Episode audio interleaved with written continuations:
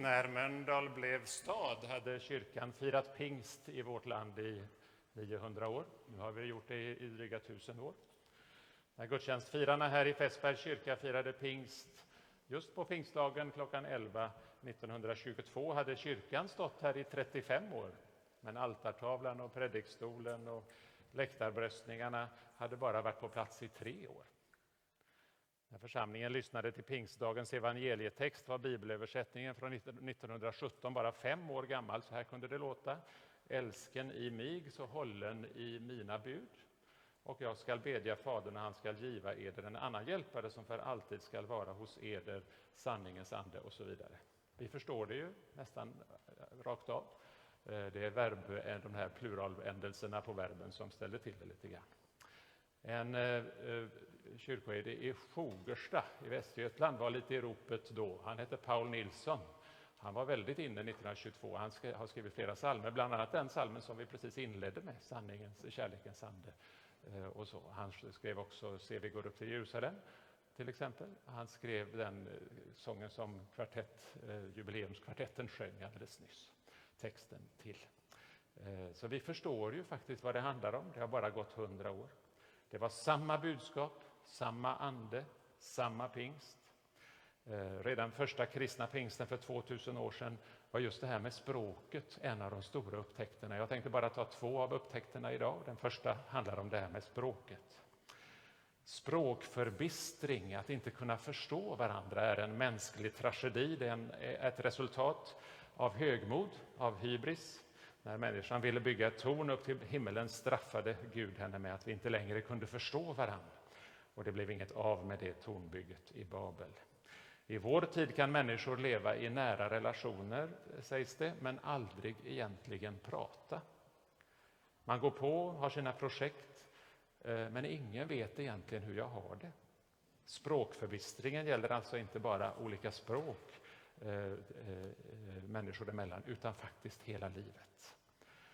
Till oss denna pingstdag kommer sanningens ande som kan göra underverk. Hon förstod mig. Äntligen var det en människa som lyssnade färdigt. I kyrkan, runt Bibeln, när vi sjöng tillsammans. Det blev som en aning av sanning rakt igenom, sa någon. Alla floskler och tompanneprat tystnade. Allting som jag brukade fylla tystnaden med kändes bara platt och onödigt. Sanningens ande hjälpte mig att vara sann och enkel och bara den jag är. Sanningens ande mötte dig första gången när du döptes. Och varje gång du kommer till kyrkan, som idag, varje gång du knäpper händerna i bön, varje gång du nynnar en bit av en psalm eller en sång som handlar om Jesus, varje gång skalas lite av det där onödiga tillgjorda bort. Sanningens ande skalar försiktigt och metodiskt bort allt som är osanning i ditt liv, det som är halvlögner, det som är försök att gömma oss bakom tomma ord. Sanningens ande kan få oss att höra bakom orden hur människan du möter egentligen har det. Vad skulle jag egentligen svara henne? Och kanske, kanske kan det någon gång bli en kort benådad stund då det vi sa inte hindrades av orden, av språkförbistringen, utan nådde inom. Så det var det första. Den andra poängen som jag skulle vilja lyfta fram ur evangelietexten är detta. Tänk dig att detta är du eller jag som vandrar livet fram. Eh, någon av oss är 15 år, en annan är 53, eh, en annan, en tredje är 92. Oavsett ålder eh, så händer det att vi på livets vandring möter Jesus. Det här är Jesus, det ser ni. Så. Det här, hände, det här mötet hände första gången när du döptes. På ett medvetet sätt kanske första gången i konfirmationen. Och sen allt oftare genom en sång eller en textläsning i gudstjänsten, ett litet bröd, en klunk vin i den heliga nattvarden. Det som händer då är att Jesus inte bara vill vara ett fint föredöme som man liksom tittar på och tycker att ja, men det var ju bra, vad fint han gjorde och jag vill nog försöka göra likadant. Eh, eller en tröstnapp som man liksom försöker hålla sig in till eller, eller när livet krisar, att man liksom söker sig in till Jesus. Och där, så, Utan det som händer eh, när vi möter Jesus, och i då, redan i dopet. Och titta nu noga, för nu händer det.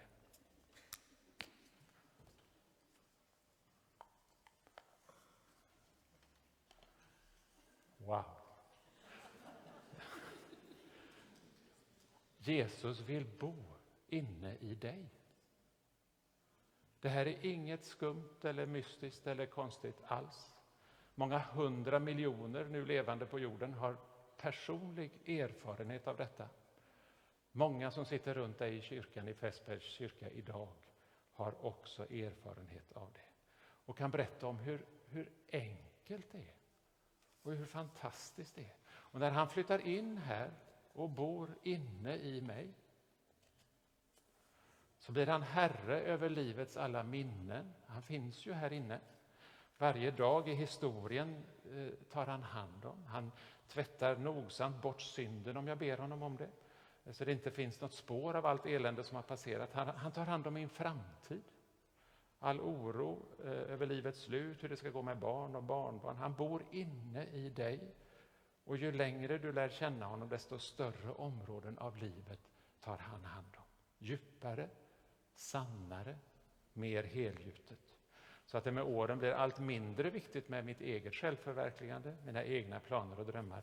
Allt mer viktigt med hans tankar, hans planer. Som oftare handlar om de andra än om mig själv. Den helige Ande, Jesus hos oss nu, brukar vi säga till konfirmander och så. Han bor inne i dig. Han är sanningens ande. Gud där inne i ditt innersta, hemlighetsfullt.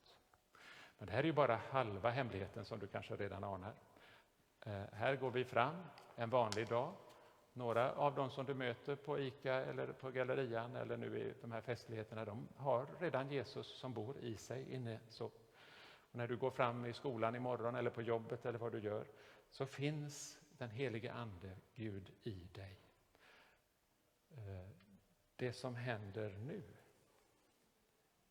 är att nu kommer Jesus igen. Nu har jag inte tillräckligt många händer. Nu kommer Jesus igen. Eh, det eh, ser nästan likadan ut.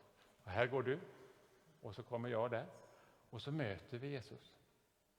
En vanlig dag så ser han att vi borde gjort saker, vi skulle gripit in och vi skulle sagt ifrån och så. Eh, men nu vill han ta allt det som vi har gjort lite galet och dumt och så. Och så vill han helt enkelt att vi som går här på jobbet eller i skolan eller i Mölndal alltså, blir fullständigt inneslutna av honom själv. Vårt liv är fördolt med Kristus och Gud. Nästa gång du sjunger Du omsluter mig på alla sidor skulle jag vilja be att du tänkte på det här. Här är du, ditt liv.